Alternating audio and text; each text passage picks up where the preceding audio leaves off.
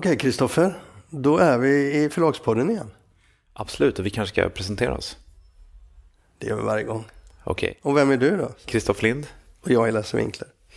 Och idag kommer vi också ha en gäst. Vi kommer ha Un Palm. Förlagsadel. Ja, jag tycker det. Jag, de mest, flesta människor känner inte Un Palm, men för mig är hon eh, en, eh, hon är en legend. Om eh, man nu ska använda det uttrycket så tycker jag att hon är det. Hon har jobbat ända sedan, vad kan det Hon, vara? ända sedan hon eh, ansvarade för kopiat, kopieringsmaskinen på Akademibokhandeln. Och, och då talar vi om den enda bokhandeln som jag någonsin skulle ha velat jobba i. Alltså Akademibokhandeln på, när den startade. Under eh, HV Köil. Ja, det var ett speciellt gäng. Och där var hon. Och sen har hon också jobbat med eh, bokklubbar. Hon har jobbat med Ja, förlag. hon var med och startade Böckernas klubb. Ja. Som ju då var den första litterära bokklubben. Mm. Och sen så har jag, var hon på Wahlström och Wisland. Ja. Hon var chef för Wahlström och Wisand. Ja, det var. Och sen jobbat med dig. Mm. Och det är lite intressant det där. Plötsligt så kommer väldigt välrenommerade människor i branschen som har gjort bra saker. De, Och så vill hon jobba med mig. nej, men så glider de ut lite grann ur, ur, ur branschen för den är så liten. Va? Och så finns de där och så ser du henne så tar du henne till dig och så får du som kvalitet. Ja. Nu har jag fjäskat tillräckligt med hon. Hon har ju- hör ju inte detta för hon är inte här ännu. Men när vi berättar den här bakgrundshistorien så tycker jag vi måste lägga till också att Unn faktiskt drev gym. Det är inte så många i bokbranschen som, skulle, som kommer överhuvudtaget i nära av gym. Trams och sidor. Vi kommer att göra lite annorlunda idag. Vi kommer att, eh, dels vara du och jag och sen så lägger vi in eh, en, ett samtal med Unn i podden. Vi har gjort så några gånger nu men då har vi gjort hela program av dem. Nu ska vi testa och se ifall det kanske är bättre att lägga in intervjuerna i programmet så att det blir mer varierat. Men henne får ni prata med sen. Nåväl, Kristoffer, du har läst en bok. Det är kanske inte är så mycket att prata om men du har faktiskt läst en bok. Ja, jag har läst en bok och det är Johannes Klenell som har skrivit en bok som heter Det fria ordet. Och det här är alltså en bok som handlar, som utspelar sig i bokbranschen, eller som utspelar sig i bokbranschen för några år sedan och den utspelar sig på Ordfront. Och Ordfront är ju ett väldigt intressant förlag och har en väldigt intressant historia. Och Johannes Klenell, han eh, driver idag Galago, jobbar fortfarande på Ordfront, men han kom dit 2006 eller om det var 2007 så jobbade han som praktikant. Och på den tiden så var ju Ordfront ett litet mediehus. Det fanns, och finns fortfarande en tidning. Det fanns en förening, det fanns en, liksom en demokratirörelse och det fanns ett bokförlag förstås. Eh, och det, Ordfront är, man brukar säga att en katt har nio liv, men en Ordfront har 18 liv.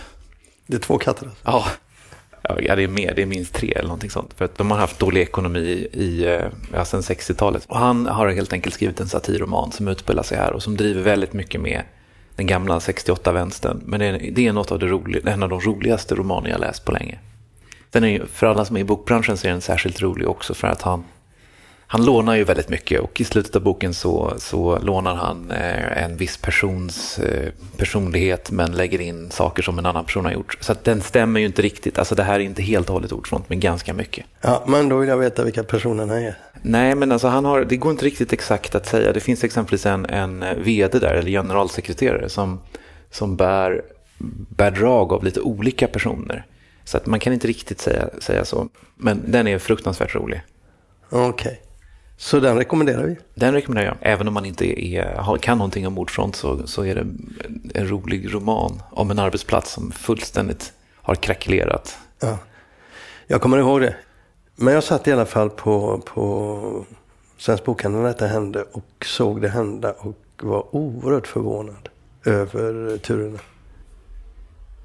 Ja, för det var ju, om, om man bortser från de organisatoriska problemen så fanns, så fanns det också en förlaget och förlagsverksamheten med tidningarna och sådär. Den var ju också styrd av den föreningen Ordfront som, som ju var något helt annat. Och där fanns det då massa intriger och sånt som han delvis också skildrar. Jag eh, hade lite kontakt med Ordfront på den här tiden därför att då fick de idén att jag skulle köpa Grönköping för jag var tidningens enda betalande annonsör.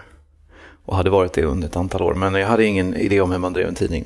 Och var väl inte jätteintresserad. Men efter ett tag så hade de övertalat mig. Och det är klart att det var en prisfråga också. Men tidningen gjorde en förlust. Det var ju ingen, det var ju mer, det var en ganska låg prisbelopp.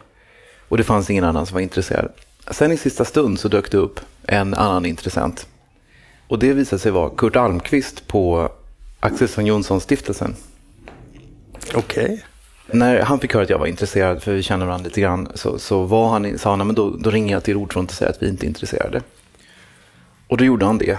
Och då frågade jag, vad sa du då? Och sa han, jo, jag sa att nu har Jonssonbolagen och Nordstjärnan analyserat eh, Grönköpings veckoblad och vi har kommit fram till att detta är en kulturklenod som gör ansenliga förluster. Och styrelsen undrar hur mycket pengar är Ordfront beredd att skjuta till? Och då stängdes den dörren. Sen så när vi i princip hade gjort klart affären och skulle skriva under papper så ringer de till mig från Ordfront. Och så säger de så här, Kristoffer, vi är jätteledsna.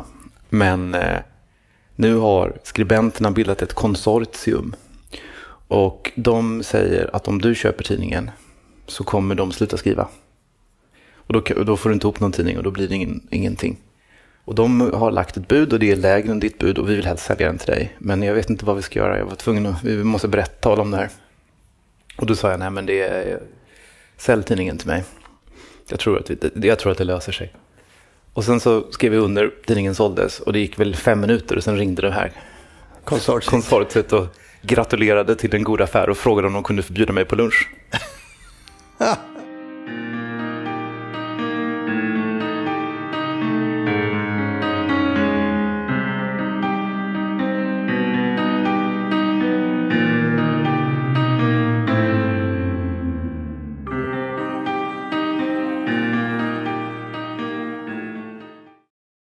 Okej, då har vi en, eh, en debutant i podden får man säga då och välkomnar Umpan. Tack så mycket Lasse. Och vi, Kristoffer och jag har redan presenterat dig så det får bli en överraskning när du lyssnar på podden sen. Ja, det ska bli spännande att höra vem jag är. Ja, varför inte. Du, eh, vad jag är nyfiken på det är ju att du med alla dessa år av erfarenhet nu jobbar med Kristoffer Lind och ansvarar för förlagets utgivning av översatt litteratur. Översatt skönlitteratur ska vi begränsa det till, tycker ja. jag. Ja, fast det var ju du som köpte den här koboken nu. Det var ju inte skönlitteratur. Nej, ibland halkar jag tillbaka i eh, gamla spår. Jag har alltid älskat det jag kallar litterära fackböcker. Uh -huh. Som får en att eh, intressera sig för ämnen man inte visste var intressanta. Och jag har i mina tidigare verksamheter haft en del framgång med sådana böcker. Numera är det inget jättestor eh, trend inom utgivningen. Nej. Men det var det en gång i tiden. Och eh, det har alltid varit ett av mina favoritämnen. Det här med översatt skönlitteratur. Jag tycker att det är något bland det viktigaste och mest intressanta förlagsbranschen ägna sig åt. Men vi har ju båda sett hur översatt skönlitteratur har minskat i Sverige extremt mycket. Väldigt mycket. Den, eh, jag har varit i branschen så länge, i eh, snart 50 år. Mm. 45-46 år i alla fall. Och nej, längre än så, jag var 20 när jag började. Men eh, det, det, det, är alltså den vanliga, goda, skönlitterära, översatta romanen finns det väldigt lite utrymme för. Den som hade en eh, ganska hög litterär nivå. Den har det jättesvårt idag. Sen har det ju kommit andra eh, trender inom skönlitteraturen. Mm. Eh, man kan säga att det svenska deckarundret har smittat av sig mm. till andra länder. Men det där är, vad, du, vad gör du idag för Kristoffer kan vi säga? Jag läser och läser och läser. Är ganska befriad från administrativa uppgifter. Det är klart att det kommer en eh, del eh, administrativ i samband med att jag förhandlar och skriver kontrakt och lägger ut översättningar och ska skriva texter ibland om mina böcker. Men jag läser och så vitt jag vet är Lind och Company det enda förlaget som har det så ordnat att de har en anställd som ska bygga en, eh, översatt, en lista av översatt litteratur. På andra förlag läser eh, alla, alltså förläggare, redaktörer, vaktmästare de läser men de gör det på sin fritid eller som ett litet extra knäck. Mm. Eh, man använder också väldigt ofta utomstående lektörer. Det kan vara författare, litteraturrecensenter, kulturfolk i största allmänhet, kompisar och så vidare. Men eh, jag har faktiskt en anställning och en månadslön. Och, och läser. Och läser och läser och läser. Men, underbart jobb. Ja, det låter som att du bara läser men du ska leta upp böckerna också. Ja, det ska jag. Hur gör du då? Ja, någon gång har jag fått tips av dig. Till exempel, ja. men det gick inget bra för dig. Nej. Fast det var en väldigt bra bok. Ja, det är intressant. Alltså jag, jag föreslog eh, The Girl in Green av Derek B. Mindler som kom i våras. Och du läste den och så sa du, det här är en väldigt bra bok men den fungerar inte i Sverige. Nej, det var min eh, bedömning att den inte gjorde. Det handlar om en eh, journalist som reser eh, till Syrien och upplever några fruktansvärda saker där. Och det är väldigt bra, men jag tror inte att det finns en tillräckligt bred läsekrets för en sån bok. Vi, Lind Company är ett litet förlag. Vi måste mm. välja väldigt noga. Och vi har i huvudsak en ganska kommersiell utgivning. Men mm. visst, vi ger ut litterär skönlitteratur också. Men eh, lite sparsamt måste mm. vi göra. För att det kostar att översätta böcker. Det är i allmänhet inte boken som rättigheten eh, till boken som kostar så mycket. Utan det är översättningen. Mm, det är klart. Ja. Men alltså, det där var nog en av mina stora läsupplevelser på senare år. Och jag skulle gärna se den, jag skulle gärna se den översatt men eh, tyvärr. Du har många kontakter i branschen. Ja, jag provat ja. andra. Men du, hur mycket läser du? Svårt att säga därför att väldigt mycket skummar jag kanske bara några sidor eller eh, om agenten eller förlaget har bifogat någon slags synopsis. Och, eh, massor med utlåtanden av eh, litterära personligheter. Det kan vara författare och journalister och kulturpersonligheter av olika slag. Eh, och så försöker jag skapa mig en eh, uppfattning om vad för slags bok det är, om vilken storyn är, vilka personerna är och så vidare. Och det blir ju ofta, det går ju för snabbt därför att jag får för mycket. Ja. Eh, sen läser jag ju eh, då, då, läser jag kanske 10, 20, 30, 40, 50 sidor. Och så känner jag att nej, det här orkar jag inte gå vidare med, det här är segt. Kan också vara att jag inte är på humör, trött och sur och mm. vill läsa något annat. Vi ska komma till det här apropå sur. Det finns en sida hos dig som eh, jag eh, tilltalas av. Eh, du har ett humör som är känt i branschen. Och då tänker jag på det här när du köpte koboken. Ja. Vad heter den egentligen? Uh, The Secret Life of Cows av en uh, engelsk kvinna som heter Rosamond uh, Young. Heter hon. Okej. Okay. min poäng med, med, med att säga som jag sa var egentligen detta att du var väldigt snabb på den boken. Och la ett bud. Och då sa agenten någonting om att han skulle höra med någon annan. Eller du fick för mm. dig. Och vad sa du då? Jag tror inte att mitt humör spelade in i det jag sa för att det blev en budgivning där både Bonniers och Norstedts gav bud. Ja. Och eh, vi låg nog ganska jämsides. Den blev ganska dyr att köpa. Ja. Eh, då skrev jag ett brev till agenten. De efterlyste någon slags marknadsplan. Vilket ja, är fullkomligt absurt ja. att göra när man inte ens vet om man har fått boken. Hur man ska jobba med den och vad man ska göra och hur den ska ges ut. Då skrev jag ett brev till agenten där jag förklarade att eh, om det var så att jag bjöd emot Norstedts och Bonniers så ville jag hoppa av den här budgivningen. För det har hänt mig så många gånger att eh, förlag, trots att vi lägger lika fina bud, alltså lika mycket pengar till författaren, så väljer man ändå i allmänhet Bonniers, någon gång Norstedts. Vi har väldigt små chanser och det är många, många gånger som jag har läst, mm. älskat en bok och verkligen engagerat mig. Och trots att vårt bud har varit lika högt så har vi inte fått den. Då skrev jag det att då hoppar jag av. Om det är mot Bonniers och Norstedts jag bjuder. Och eh, nej, nej, nej, nej, sa eh, den här damen på en väldigt trevlig person på Faber Faber. Och så är det inte alls och det är inte så utan det är entusiasm och sådär vi är ute efter. Och då skrev jag ett brev. Mm. Där jag skrev att vi är ett litet oberoende förlag. Vi jobbar... Som Faber Faber? Som Faber Faber, alldeles riktigt. Eh, vi jobbar precis som vi vill. Vi älskar den här boken och jag har pratat väldigt mycket om den på förlaget redan. Och eh, vi kommer att göra allt för att den ska fungera. Vi är inte styrda av att vi har andra stora eh, författarnamn som kräver specialbehandling. Utan vi kan verkligen satsa på det vi älskar. Jag skrev mm. det ganska kul, mm. tycker jag själv. Ja, nej, för jag var lite... Det var ingen marknadsplan och det var det de hade efterlyst. Ja, nej, Utan men... de fick ett personligt brev helt enkelt som var riktat till författaren. Ja, nej, för jag tog upp det där med, med sur så, så var inte det en negativ mening.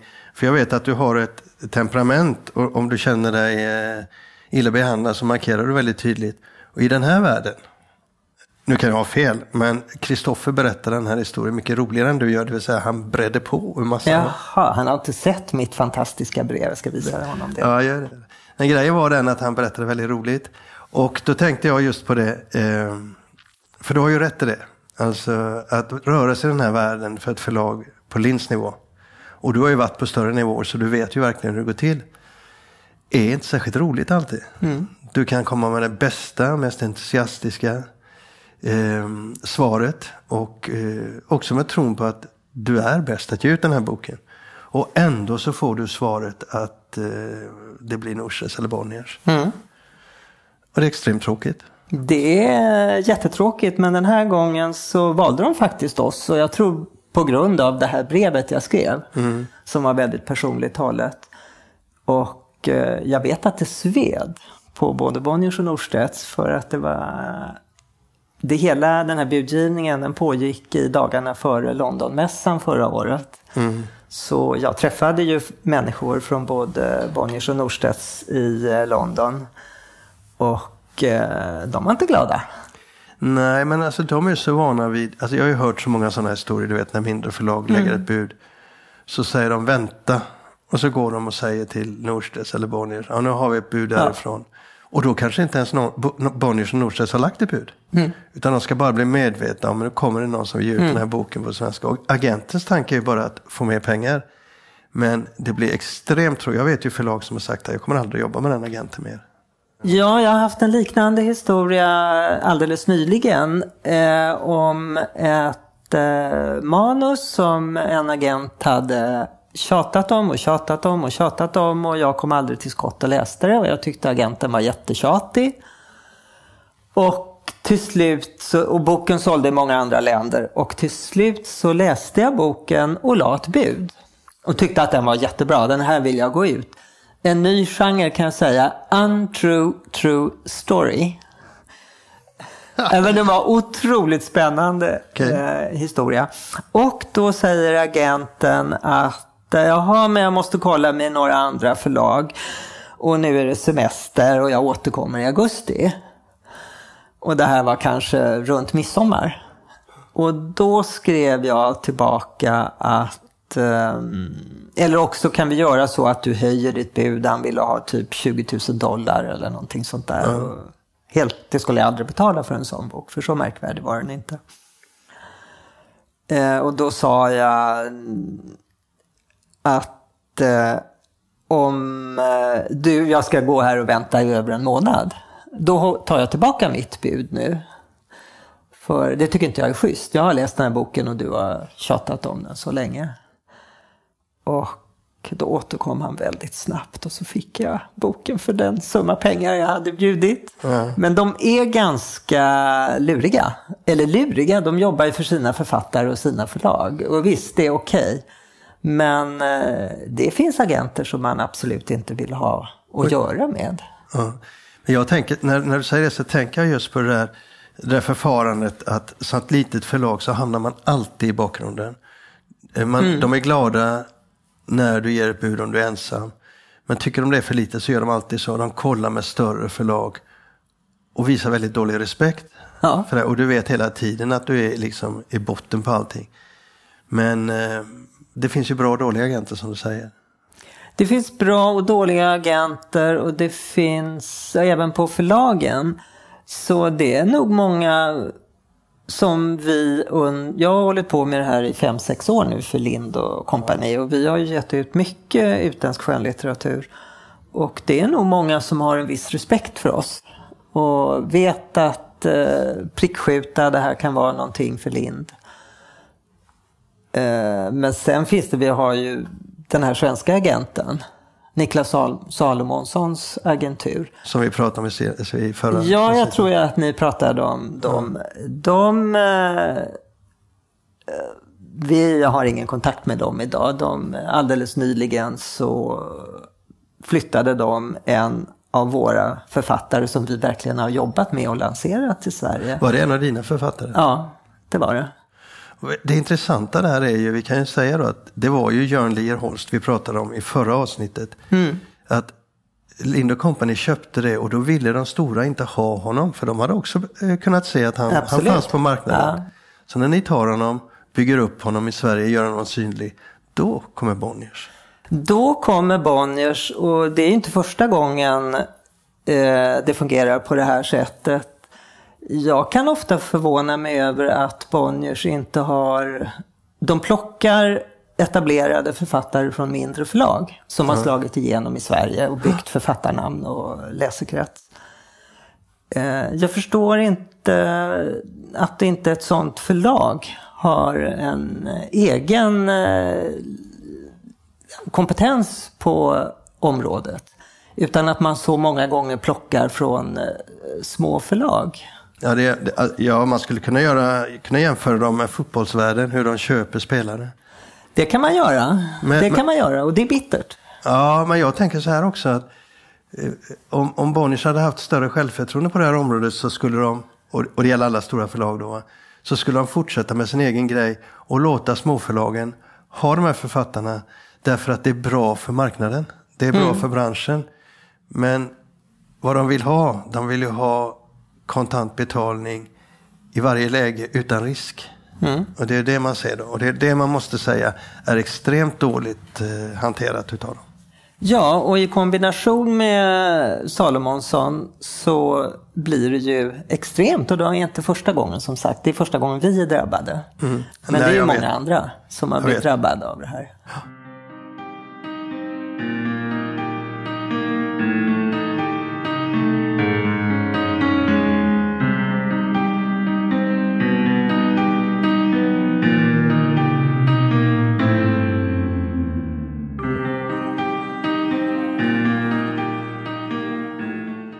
Jag har tänkt på det ibland när jag ser dig eh, ute i världen och, och, och du läser och, och, kollar vad som är intressant. Vad är du själv intresserad av? Vad letar du efter? Ja, jag eh, följer ju i väldigt stor utsträckning eh, strömningar ja. i branschen. Klart. Och det förändras hela tiden. Under en väldigt lång period nu har deckare, psykologisk spänningslitteratur, thrillers dominerat. Eh, och jag har också gett ut några facklitterära böcker. Vi pratade om den här Rosamond Young. Jag ska gärna återkomma och prata lite mer om boken för den är väldigt underbar. Mm. Eh, det är koboken då? Det är koboken, ja. precis. Eh, men det finns eh, nya trender också. Det finns en eh, trend, feelgood, den känner alla till och den har ju varit, hållit relativt låg litterär kvalitet. Men det kommer en ny genre inom feelgood som kallas för uplit. Okej. Okay. Och det är välskrivna, bra, intelligenta böcker och som handlar om någon slags vänlighet och medmänsklighet. Eh, sex och kärlek är inget dominerande utan mer någon medmänsklighet. Eh, vi har ganska nyligen köpt en bok som har den mycket underbara titeln eh, Elia, Eleonor Olifant mår alldeles utmärkt. Ja, just det. Men den, den eh, har ni gett ut? Den har precis kommit nu och den, det är en debutant som har skrivit. Honeyman heter hon. Och eh, den har sålt till 30 länder. Alltså en debutant som inte är utgiven någonstans som säljer till 30 länder. Fast du vet lika bra som jag att det där är väldigt mycket luft. Det är vilka länder vi pratar om. Ja, men det är bra förlag. Det, det kollar man ju alltid. Nu köpte vi den väldigt tidigt innan den hade blivit en succé. För jag kände att den här den var så charmerande och den hade en sån alldeles egen ton. Ja. Eh, och även där bjöd vi mot andra förlag. Eh, och fick den, men den blev lite dyr. Men jag tror att den kommer att gå alldeles utmärkt för den lägger världen för sina fötter. Låt oss bara återkoppla till det där. Eh, när man säger 30 länder så, så sa du ja, men jag vet vilka förlag. Och det är mm. där mm. kärnan är hela tiden i när man pratar om det här som förlagsmänniska. Vilka förlag har köpt den? Det blir väldigt viktigt. Du vet ju precis vad du ska titta efter. Vilka förlag och till och med vilka förläggare ja. som köper den. Jag har ju varit i branschen länge och har en ganska, jag har en god kontaktyta och känner förläggare på förlag och sådär och vet vilken profil förlagen eller den förläggaren har. Och där och så där. Men du, hur många titlar köper du per år? Ganska många, kanske jag har inte räknat, men någonstans mellan 22, 23 och upp mot 27, 28. Det är rätt mycket. Det är ganska mycket. Din erfarenhet och dina, dina år i branschen måste ju vara ovärderliga när du tittar på nya titlar. Ja, men jag går väldigt mycket på min personliga smak. Ja, det är klart. Eh, om jag blir lite lätt upphetsad när jag ja. läser en bok och känner att åh, vad härligt. Eh, då är jag nog ganska benägen att ge, den, eh, att ge ut den. Ja. Men det betyder också att du missar eh, saker. Det Absolut. gör ju alla som har jobbat i den här branschen en längre tid. Har ju stora missar. Ja. Absolut, vi kan ta den där, eh, vad heter den, 50 shades of Grey. Ja. Den, den bollade jag vidare till Kristoffer för jag tänkte att jag kan inte läsa det här skräpet. Och det, det där berättade och, han ju i podden. För jag tänkte att han också mera åldersmässigt passade ja. för porr och sådär än vad jag gör. Men, ja. ja nej, det, det, tog ni ett gemensamt beslut här eh, som kostade er miljoner. Ja, precis. Kan man säga. Inför Frankfurt nu i år. Ja. Du är nere hur många dagar? Eh, kommer på tisdagen och åker hem på fredag. Hur många möten har du? Jag börjar halv tio på morgonen och håller på till sex, halv sju på kvällen och det är varje halvtimme. Så hur många timmar är det? Ja, jag orkar inte ens räkna. Det två och en halv, sex och en halv, åtta, nio. Ja, jag har nog typ 17, 18, 19 möten om dagen. Mm. Och det är ändå så att du har eh, via mail och eh, ja, framförallt via mail. Mm. Du har fått manus, du har fått eh, rapporter. Och ändå, varför är det viktigt att vara i Frankfurt? Ändå, och ha de här mötena? Det är alltid bra att ha de sociala kontakterna. Eh, lite lättare att eh, diskutera och att man blir ihågkommen när man mm. har bra grejer på gång. Ja. Eh, upprätthålla de sociala kontakterna. Jag har ju jobbat med eh, utländsk litteratur länge. Ja. Och det var ju delvis bara att ta över när jag kom till Lind. Ja, du tog med dig alltihop helt enkelt och gick Ja, jag kände ju människorna. Uh -huh. eh, och man får ju... Nu är det ju i princip så pratas det inte så jättemycket om de böcker man har informerat mig om tidigare utan man pratar om framtiden, längre fram i framtiden. Eh, och jag sitter med förlag och agenter och de kan ju berätta, en del har ju hundratals böcker Mm. Och då gäller det verkligen att säga nej, nej, nej, den där kan du få skicka mig så småningom. Det där är lite intressant därför att där handlar det väldigt mycket om en bra agent vet vad du är intresserad mm. Och eh, pitchar kanske på en halvtimme fyra, fem böcker. Så absolut, det är ju en drömagent. Eh, det tar ett tag tror jag av, eh, man måste ha erfarenhet för att komma till det ja. stadiet för att unga, nya, entusiastiska agenter, de vill gärna ge alla böcker en chans. Mm. Och det blir egentligen att inte ge någon bok en chans därför att man kan inte prata om allt för många böcker på den där korta tiden. Man har halvtimmesmöten men man ska ju också mellan möten och det kan vara i olika hallar. Jag vet, jag vet. Och ta fem, sex, sju minuter och komma in och de har såna här säkerhetskontroller i hallarna och de ska undersöka om man har en väska och fickor. Och det, jag tror att Frankfurtmässan är en ganska deprimerande tillställning om man är författare. För att det är så fruktansvärt mycket böcker där. Och mm. hur som författare skulle jag undra, vem kommer att upptäcka min bok? Nej, alltså det är ju så. I det här vimlet och ja, Det är tio gånger Göteborgsmässan, minst. Minst. Jag tror att det är typ 3000 utställare eller någonting ja. sånt där. Alltså man det... åker buss mellan hallarna. Ja, det är tio hallar. Ja. Men då är en som är speciellt film. En, eh, Tysklands eh, hall, den är ju magnifik. Mm. Och sen har du Nordamerika och så har du Afrika och så har du ja, Skandinavien. Skandinavien. Ja, de är ju indelade på ah. olika områden och så. Ah. Och eh, att gå där. Det, det, varje år jag är där så jag tycker det är jätteroligt för hela världen är där. Mm. Det är enda stället där hela världen är faktiskt. Mm. Och det är alltid lika spännande och det är alltid alla möter sina vänner där framför. Så det är väldigt hjärtlig stämning samtidigt som det är det är väldigt roligt. Ja. Eh, man är väldigt speedad efter tre dagar på mässan. Mm. Och en utomstående som vill ha sina fördomar bekräftade om bokbranschen ska åka dit på festerna på kvällarna.